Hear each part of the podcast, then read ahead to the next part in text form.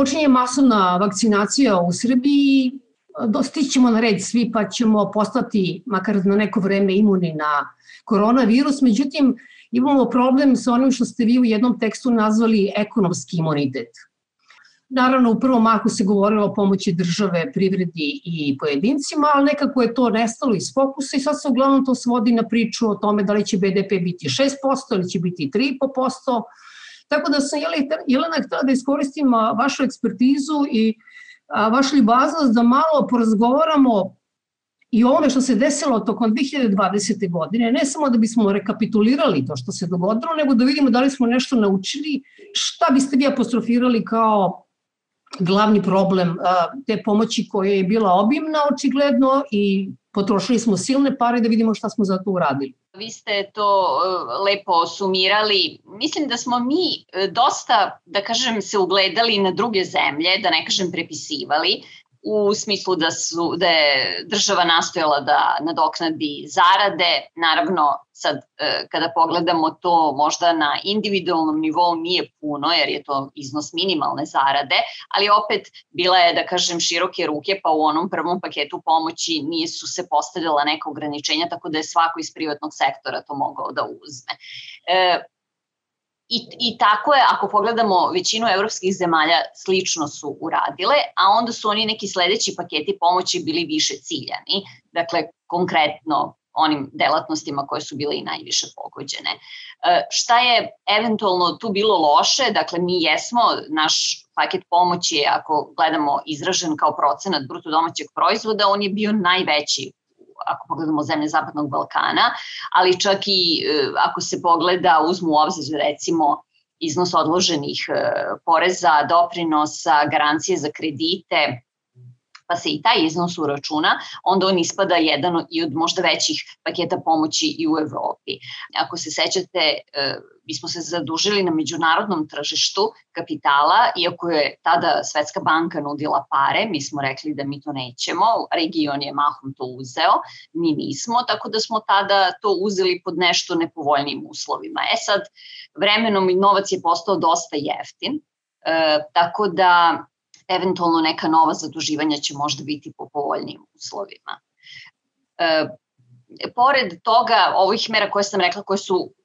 označile pomoć samom privatnom sektoru, preduzećima, bila je i ona, da kažem, pomalo kontroverzna mera od 100 evra. E sad, ja sam to više gledala kao neko ko se bavi, naravno, ne samo ekonomskim, nego i socijalnim temama, šta to znači za ljude e, kojima su te pare e, usmerene i čak sam napravila jednu malu šalu sad kad je bilo ovo prijavljivanje za vakcine, kada su na e-uprava portalu dali mogućnost da možete da se prijavite i eventualno izaberete vakcinu koju želite i onda su ljudi masovno na društvenim mrežama delili sliku kako su se prijavili, što ja mislim da je bilo pozitivno. Ja sam sama isto takođe rekla da sam se prijavila, nisam slikala, ali sam rekla da je zanimljivo da se ljudi, da to masovno slikaju, a nisu masovno slikali prijavu za 100 evra. Iako su to veoma kritikovali, ali nisu ovi na jednak način pokazali da su se prijavili, a možemo biti potpuno sigurni da, da se većina ljudi prijavila, jer kada vidite po podacima, mislim, nema ko se skoro nije prijavio. E sad, šalu na stranu, hoću da kažem, ja, zašto sam ja tu meru podržavala i pisala sam to uh, i na vašem uh, portalu i i ovako kada su me novinari pitali i dan danas je podržavam zato što mislim uh, da kada je objavljena pomoć privatnom sektoru, niko se nije bunio zašto je ta pomoć univerzalna, jer pazite, mogla su da se prijave i preduzeća koja su sasvim fino prošla, da kažem, tokom tog prvog talasa, u smislu da nisu osetili nikakav pad prihoda, naprotiv, neki su, ne znam, imali ste primere e, proizvođači brašna koji su radili u četiri smene jer su ljudi pravili zalihe brašna i tako još nekih proizvoda za dezinfekciju i tako. Tako da ja, se, ja, meni, ja sam samo primetila dve kompanije koje su se javile i rekle da one neće, radi se o većim kompanijama koje su rekle da one neće uzeti pomoć države, niko drugi. E tako na sličan način onda mi se činilo da ako to nisu kritikovali ekonomisti ili uopšte, da kažem, ljudi analitičari koji se e, redovno pitaju za neko mišljenje, a, a onda su toliko napali tu meru od 100 evra. I ja sam, i kažem, i kada sam pisala tekst e, za, za Peščanik i, i istakla da re, nešto slično uh, je urađeno i u Sjedinameričkim državama, malo jeste istina bilo ograničeno, nije mogao baš da dobije svako, svaki stanovnik Španija, takođe, to je u stvari neka vrsta, da kažem, ova ideja koja je postala, o kojoj se priča poslednjih godina, a to je ideja univerzalnog, uh, bazičnog ili osnovnog dohodka, dakle da dajete ljudima neku naknadu ne postavljajući nikakve ograničenja, nikakve kriterijume. Iako sam ja rekla da, da je država htela, ona je mogla da eliminiše neke grupe, primjera radi zaposlene u javnom sektoru, za koje smatram da E, s obzirom da nisu u najavi nikakva ni otpuštanja, ni smanjenja plata, da su oni ipak u jednoj privilegovanoj poziciji. Takođe i penzioneri koji koliko god da imamo veliki broj onih koji imaju niske penzije, ali opet e, sećamo se odmah na početku pandemije su dobili neku pomoć, najavljuju, isto su dobili pre neki dan, e, Tako da e, sam sman, prosto rekla, ako već treba neke grupe da možda izuzmemo iz te mere, eto to bi mogle da bude ove dve i tu bismo već e, e, da kažem, eliminisali 2,5 miliona ljudi, što nije tako malo. I da eventualno možda ponovimo i nekim grupama damo, damo dva puta tu istu pomoć. Da se podsjetimo samo na tu činjenicu da država nije se zadužila kod Svetske banke nego pod nekim nepovodnjim okolnostima, da probate to da nam obrazložite zašto mislite da se to desilo. To je prvo i drugo, zbog čega mislite da je tako bezbolno prošla mera linearne podrške privatnim preduzećima za razliku od podrške građana? U pogledu e, zaduživanja, zašto je to urađeno na međunarodnom tržištu, a ne e, nismo uzeli par od Svetske banke, ja nemam neke, da kažem, insajderske informacije, ali meni se čini da je u tom trenutku e, nekako vlada htela da pošalje poruku da mi smo e, drugačiji od regiona, da mi možemo da se zadužimo i na međunarodnom tržištu, da prosto eto ne želimo da uzmemo E, tu pomoć e, e, Svetske banke ili MMF-a, šta je bilo tačno u tom trenutku, da je to više bila, pa evo kao što ste i videli i danas, jedan gest da smo dali, ne znam, Makedoniji 8000, da li 8000 vakcina, eh, da prosto pokažemo da eto mi možemo i da možemo čak i da pomognemo eh, region i da smo bolje od drugih. Meni se čini da je to više trebalo da, da tako pošalje jedan, jednu poruku i da ima neki psihološki efekat nego što je bilo u tom trenutku ekonomski opravdano. Drugo pitanje, da, E, zašto su, zašto e, je javnost e, recimo kritikovala tu meru univerzalne podrške stanovništvu, a nije privredi? Pa mislim da smo mi već navikli na određeni način da tako razmišljamo poslednjih 20 godina. Ta država socijalnog staranja, da, da kažem i taj drugi naziv je počela nekako da se smanjuje nakon 2000-te pod uticajem različitih, da kažem, ideologije koja je tada u oblasti uh, brige ka onima koji su najugroženiji u jednom društvu, takođe već nekako bila uh, uhvatila uh, zamah na zapadu. I onda su se te ideje samo prenele ovde, kroz razne institucije, kao što je MMF, Svetska banka, oni su recimo bili neki od značajnih aktera kada smo donosili prvu strategiju za smanjenje siromaštva 2003. godine i u kojoj i piše e, eksplicitno da e, pojedinci moraju sami da se staraju e, o svojoj situaciji socijalnoj. Pojedinac prosto on sve sam da pokuša, ne znam, ne može da nađe posao, E, otkaže pomoći prijatelja i porodice, e tek onda da se obrati državi. Tako da mislim da to je potpuno, kažem, drugačije od onoga što je bila neka ideologija u periodu e, e, bivše Jugoslavije i države blagostanja koje smo tada imali i onda su se ljudi vremenom navikli na to. Vi ako danas recimo ja vrlo i kada i dajem neke izjave za medije, obratim pažnju da kada pričam recimo o temi siromaštva, onda vi uvek vidite, ja uvek kao podlogu imam porodice i to mahom romske porodice se stavljaju u kadrove. Kao da time žele da, da nam poruče e, da su samo e, Romi siromašni ili, ili daju slike recimo e, izrazito, izrazito siromašne populacije, što uopšte nije tako. Dakle, siromaštvo je i, ako mi kažemo da je, da je četvrtina populacije izložena, odnosno to se sada, da kažem, na evropski način kaže u riziku od siromaštva, to onda nije samo romska populacija. I zato onda me uopšte nije ni iznenadila ta, taj napad na, na tu uh, meru uh, od 100 evra, gde su odmah ljudi krenuli sa nekim predlozima. Jao, pa zašto sad nemamo socijalne karte? Da imamo socijalne karte, mi bismo tačno znali uh, uh, ko su nam siromašni. Pa mi već znamo ko su nam siromašni. Uh, uh, socijalne karte nisu ništa drugo do jedan da kažem, informacioni sistem koji bi samo trebalo malo da olakša posao zaposlenima u Centru za socijalni rad, u opštinama gde se ljudi prijavljuju za socijalnu pomoć, a to bi u stvari samo bio nastavak ove politike koju mi sprovodimo u poslednjih 20 godina, a to je da teramo ljude da nam dokažu da su stvarno siromašni, pa tek kada potpuno ih isproveravamo na razne strane, znate, jer to je u suštini taj informacioni sistem, tu se slivaju sve informacije, da li neko nešto ima u katastru, da li ima neku zemlju, bez obzira što je možda i često mi to imamo dosta E, e, e, jednočlanih, samačkih, staračkih domaćinstava u Srbiji, ljudi koji imaju na svom imenu neku zemlju, ali uopšte ni ne obrađuju. Pitanje je da li uopšte neko želi tu zemlju da ne samo da uzme da obrađuje, da uzme u zakup, nego da li uopšte moguće je prodati i na taj način da ostvare neki dohodak. I ti formalni uslovi njih sprečavaju da ostvare pravo na socijalnu pomoć, koja inače je mizerna, koja mesečno za pojedinca iznosi 8000 dinara. Od toga ne možete ništa.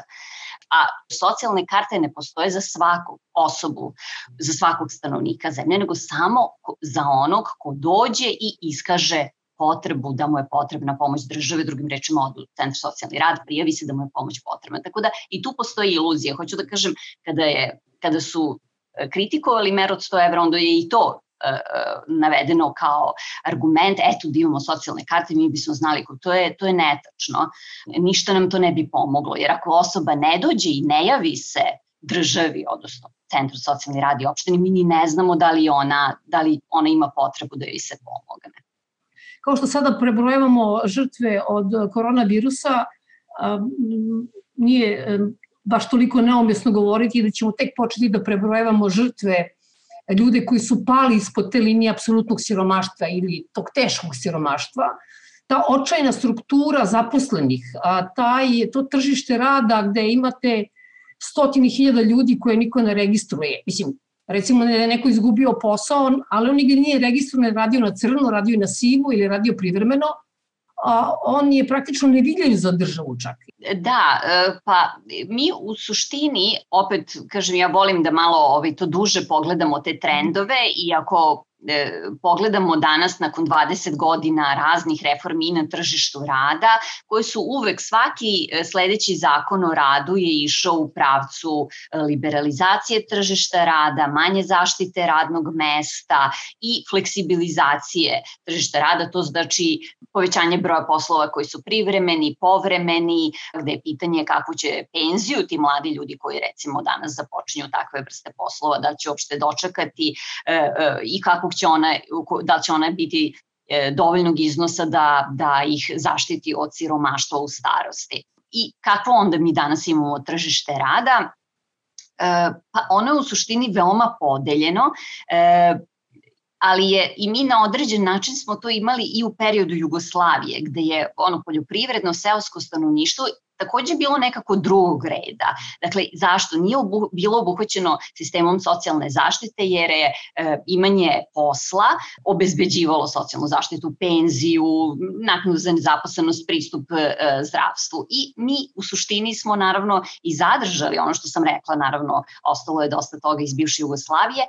I tako da danas e, da kažem, onaj bolji segment tržišta rada, to su ljudi koji ili rade u javnom sektoru ili imaju neke bolje poslove u privatnom sektoru. Da li su to financije, bankarstvo, evo sad sve više IT usluge, e, dakle, onaj bolji deo privatnog sektora. Ali imamo e, skoro jednaku polovinu, ako je to sad kažemo 2 miliona i 700 zaposlenih, skoro pola pola su podeljeni između tog boljeg i lošijeg segmenta, u tom lošem segmentu i dalje imamo poljoprivrednu. E, zaposlenost, to je mahom neformalna ekonomija, jer redko ćete među poljoprivrednicima naći nekog ko e, je odlučio da se da prijavi, e, da plaća doprinose i da sutra, i to su mahom onda i muškarci, što ne iznenađuje da imamo i tu veliku razliku između uh, žena i muškaraca koji dobijaju penziju, a to je upravo, to su žene sa sela koje nikada za sebe nisu ni uplaćivale, jer je to prosto bila odluka unutar porodice tako doneta da se da uplaćuje samo da kažem, glava kuće, obično muškarac, e, i onda su žene izložene više siromaštvu u starosti. Ostali deo sive ekonomije, recimo sektor usluga, nešto od građevine, e, e, takođe i onaj lošiji deo privatnog sektora, ovo što sam već rekla, privremeni, povremeni poslovi. Tako da mi, da kažem, tu e, e, dualnost koja je negde postojala i u periodu Jugoslavije, ali gde je taj sekundarni segment lošiji uglavnom činila poljoprivredna zaposlenost, mi smo ga sad vremenom, da kažem, kroz 90. onda posle gde je rasla siva ekonomija i 2000. kada mi nismo kroz proces privatizacije, restrukturiranja, nismo uspeli da one poslove koji su uništeni kroz proces da kažem, privatizacije, nismo uspeli da kažem, da kreiramo dovoljno dobrih radnih mesta, tako da ljudi koji su, znate, i gubili posao u tom procesu transformacije privrede su e, odlazili u onaj lošiji segment tržišta rada, nalazili, e, da kažem, zaštitu često u poljoprivredi i onda im ne iznenađuje da mi danas imamo treću po redu e, veličine e, zaposlenost u poljoprivredi posle recimo posle Albanije i Rumunije. Niti ti ljudi plaćaju e, doprinose, to znači da će biti sutra izloženi e, siromaštvu u starosti. Pitanje je takođe koliko e, njih uopšte ima i pristup zdravstvenim uslugama, tako da pola populacije od ovih 2 miliona i 700 u boljem segmentu, a pola u lošem, što je zaista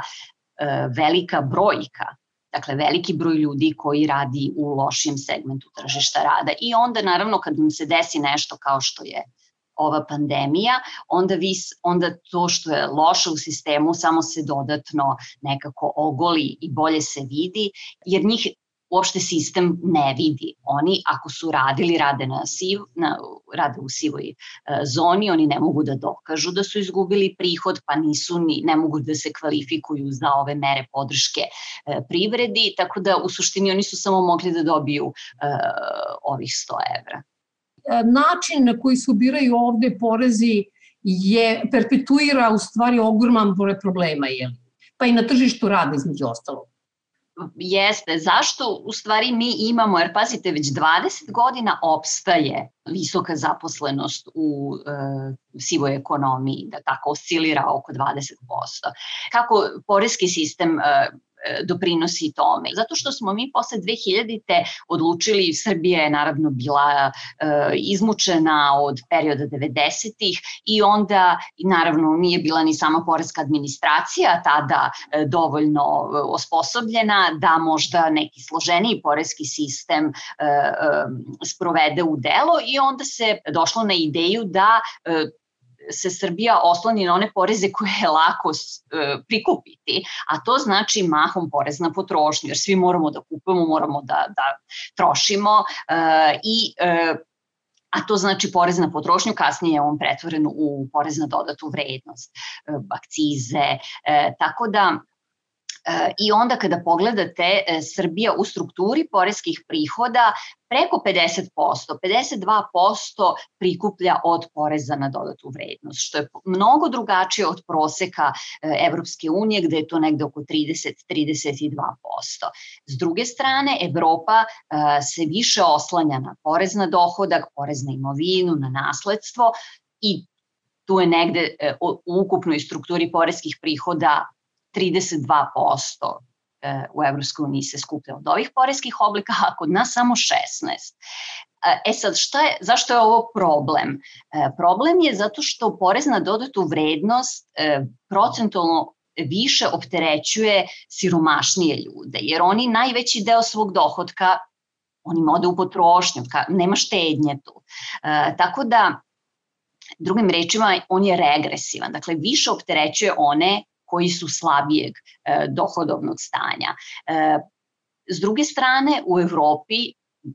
i ne samo Evrope, šire, e, e, imate sistem oporezivanja dohodka koji je progresivan. Dakle, što više zarađujete, što mi je veći dohodak, vi procentualno plaćate veći deo e, vaših, e, e, vaših prihoda. U Srbiji to nije slučaj. I kažem, ta neka logika e, jednostavnog e, e oporezivanja, ali gde ćemo mi sad e, e, da zahvatimo što je moguće veću poresku bazu, što je moguće veći broj ljudi, je ostala i ostaje 20 godina. E sada, Ona je naravno kombinovana e, sa visokim stopama doprinosa za socijalno osiguranje.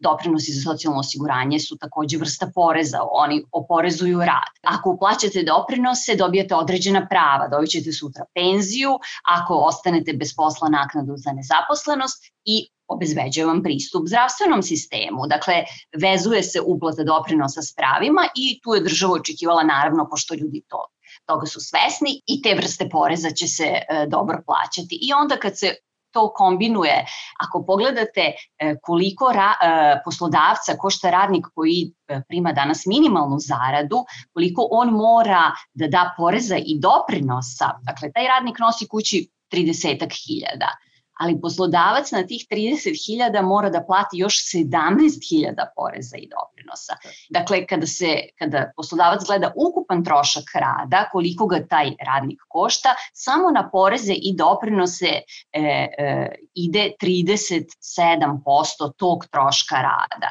To je minimalna zarada, ali kad sa minimalne zarade odemo na prosečnu zaradu, koja je sada nekih recimo 60.000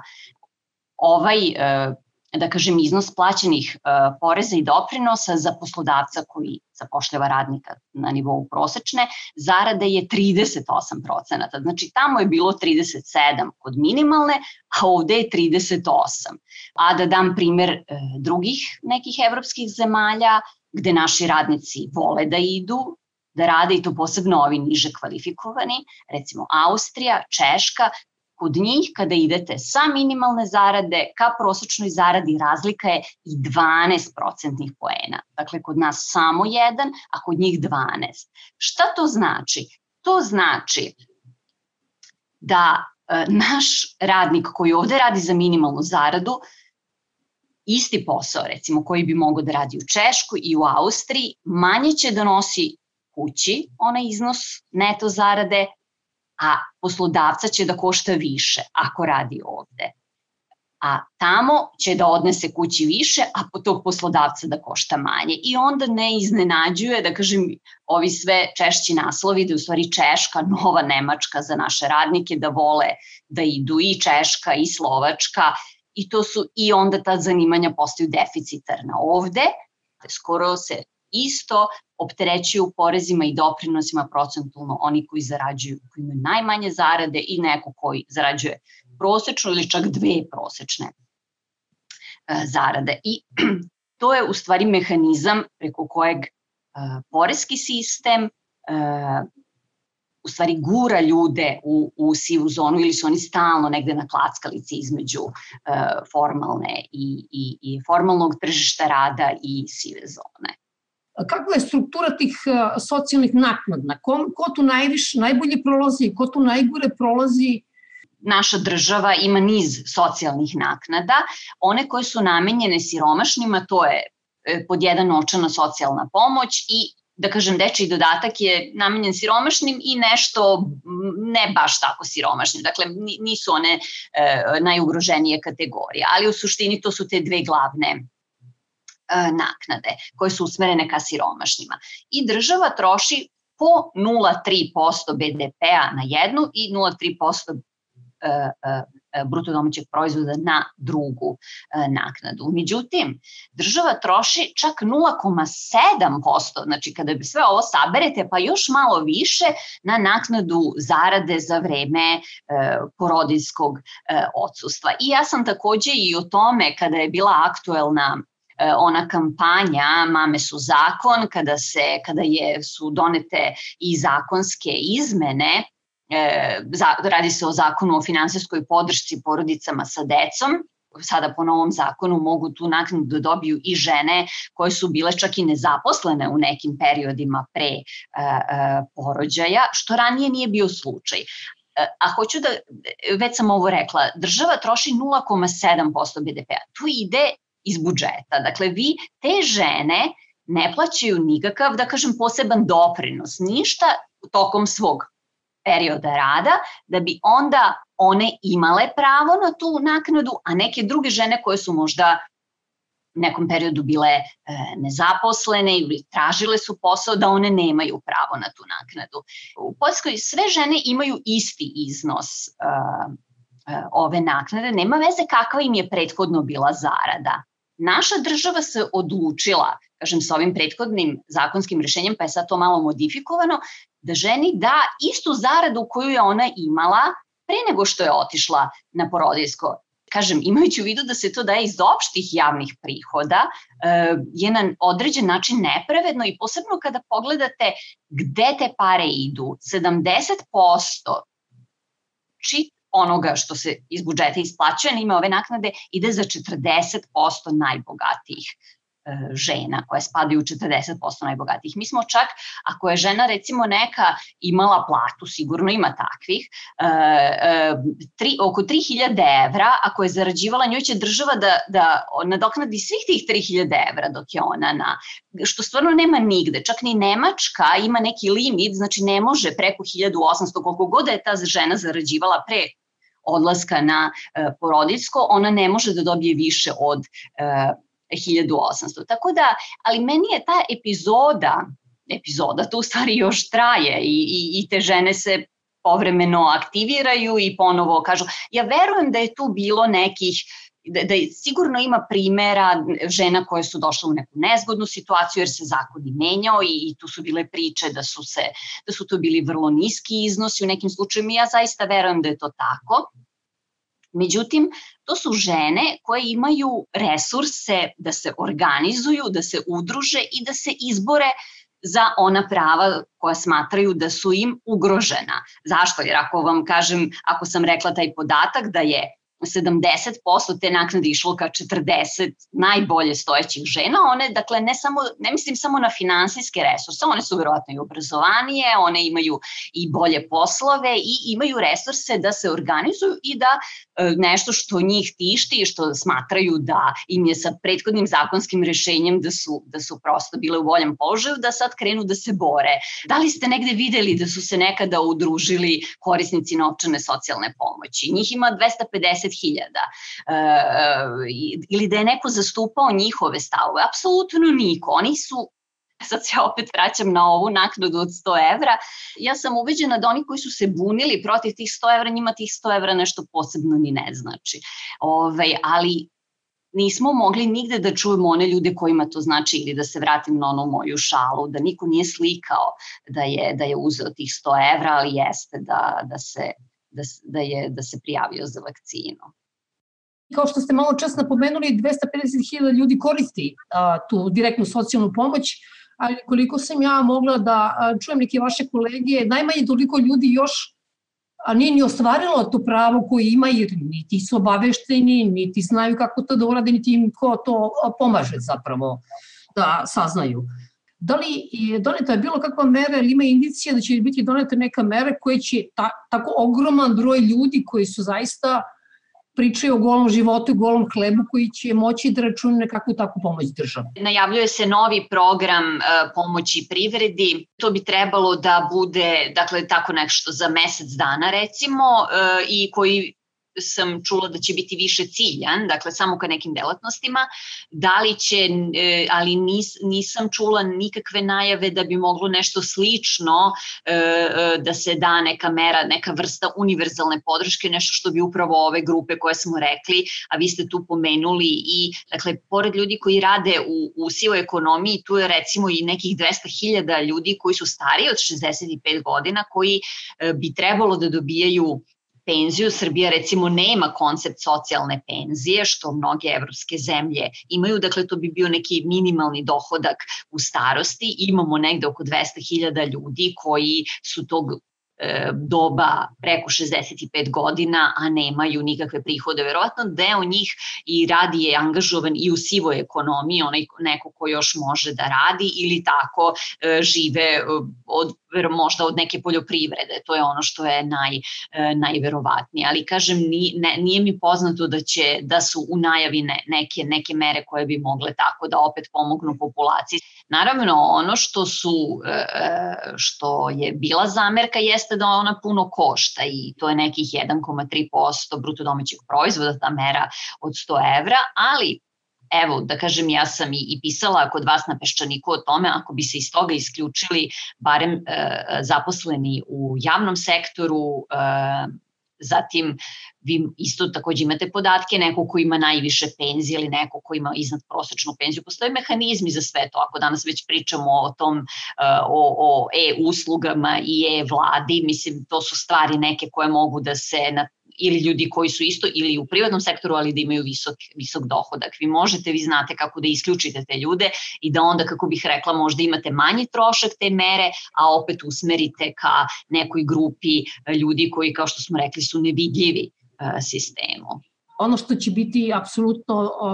bi bio, morao biti prioritet je pitanje preraspodele. Ogroman broj ljudi uopšte mi ne treba da zanima taj BDP, jer od, od njega a, neće imati nekakve velike koristi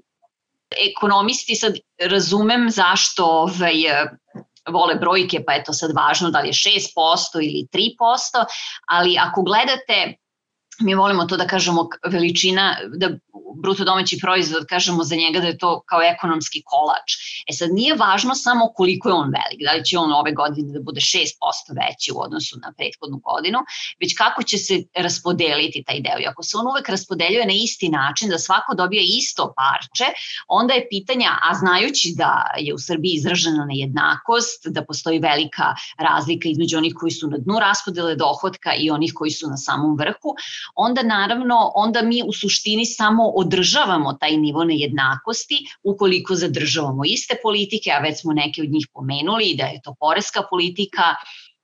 socijalna politika u smislu da naknade e, e, favorizuju ljude koji već imaju poslove i to dobre poslove. To je evo bio ovaj primer sa naknadom zarade za vreme porodiljskog. Dakle, budžet više pomaže onog ko je bio ko, ko ima dobar posao i visoku zaradu. Dakle, to je sistem koji opstaje. E sad, prethodna velika kriza pre ove je bila ona iz 2008. godine koja je zahvatila i Srbiju i, um, i mnoge zemlje su uh, ušle u probleme s javnim finansijama, uh, porastao je deficit, porastao je javni dug i on nakon krize i onda je kao odgovor uh, na krizu su vedene mere štednje. Slično je bilo kao i slično je bilo i kod nas kada je 2015. kada smo smanjili zarade u javnom sektoru, kada su smanjene penzije i kada je za, uvedena zabrana zapošljavanja u javnom sektoru. I onda vidite kad je došla pandemija, gde, se, gde su se posledice tih mera štenja, gde su bile najočiglednije, to je bio, to je bio nažalost zdravstveni sektor. Pa i u Srbiji e, fiskalni savet je i, i, i, i iako je fiskalni savet podržavao mere štednje, kada su se završile, posle tri godine bilans je bio da je kod nas zaposlenost najviše smanjena u zdravstvenom sektoru. Mi tu imamo i drugi faktor, to su migracije, da su ljudi naravno odlazili iz centralne i istočne Evrope i to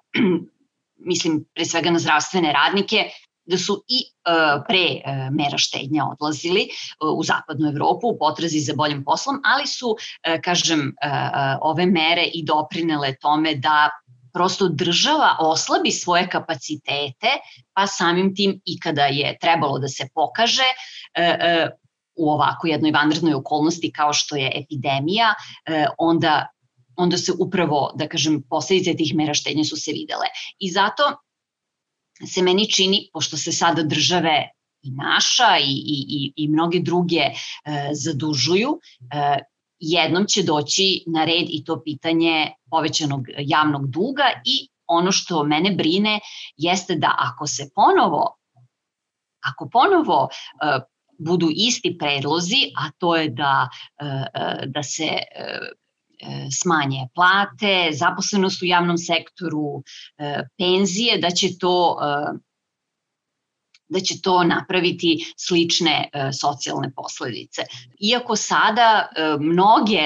institucije za koje biste se iznenadili, kao što su, koje ranije nisu, tako govorile od Svetske banke prema MMF-a, koje guraju prosto države da se dodatno zadužuju kako bi amortizovale, da kažem, taj ekonomski pad, E sad je to pitanje ko će da plati e, tu cenu dodatnog zaduživanja I to je možda sada šira priča, ali je bitna zdravstvo i obrazovanje. Ako razmišljate o budućnosti, a mi smo populacija koja je izrazito stara, e, da bi mi moramo da razmišljamo ko će nama da proizvodi taj ekonomski kolač, ko će da proizvodi taj bruto domaći proizvod za 20 godina i da možemo da finansiramo veliki broj penzionera i njihove penzije, e, onda treba da budemo najviše zainteresovani za kvalitet obrazovnog i zdravstvenog sistema, jer on će da utiče na to i kakve ćemo sutra da imamo radnike, će oni imati e, veštine koje su e, potrebne za tržište rada i da li će to biti zdrava populacija. Tako da to su dve ključne oblasti, to moramo da imamo u vidu ako se budu, ako se bude razmišljalo o nekim novim merama štednje. Ja se sećam pre a sad više ima i, i više od 10 godina, baš posle te krize 2008. kada je Svetska banka izdala jednu publikaciju kako sa manje uraditi više. Mislim, meni je to toliko cinično, znate, da vi A šta to znači? To je značilo i to, to je pisalo u tim njihovim preporukama znači to je 2009. izašla ta publikacija, da se smanji broj bolničkih kreveta, da se smanji broj osoblja. Tako da, kažem, taj, taj cinizam kako sa manje da uradite više, mislim, evo, evo ova kriza, ova pandemija nam je pokazala da je to nemo moguće. Znači, ne možete sa malim kapacitetima bolnice, ne možete da lečite ljude. Ok, ovo je nešto posebno, specifično, ali je pokazalo, a opet je pokazalo na neki način, da mm. kažem, i ograničenost neke e, spontane, individualne inicijative i značaj toga šta može da uradi država kada, znate, u ovako kriznim situacijama. Mi naravno i treba, e, vrlo su važne te neke in, inicijative koje dolaze od dole i da se ljudi organizuju i da se bore za svoja prava, ali kad dođu ovakve neke stvari i ako vi imate državu koja ima oslabljene kapacitete, ne možete. Ovde se pokazalo koliko u stvari to što vi nosite masku, vi time nešto štitite samo sebe, nego i druge. I sad ako nemate nekog ko će da vas natera da to radite, ako to sve prepustimo, znate, slobodno, svako po svoj, da li veruje u te maske ili ne, da li veruje u virus ili ne, onda nastane jedan, jedan potpuni haos. Tako da hoću da kažem da je to vrlo važno, da, mislim da su ljudi, čak i oni koji su onako više bili e, za tržište, znate, liberalizam i sve shvatili u ovoj krizi šta znači e, e, gde, mislim, leži moć države i državnog sistema zdravstva i obrazovanja, da su ljudi, naši nastavnici i profesori su isto se našli u jednoj situaciji, e, da kažem posebno ovi niži nivoji obrazovanja, da su morali u vrlo kratkom roku da se prilagode. E, I onda, zašto je važno onda u te kapacitete morate stalno da ulažete, da biste onda i kada dođe, kada imamo i ovakve neke situacije, mogli adekvatno da reagujete. Jelena, hvala puno, Jelena. E, molim.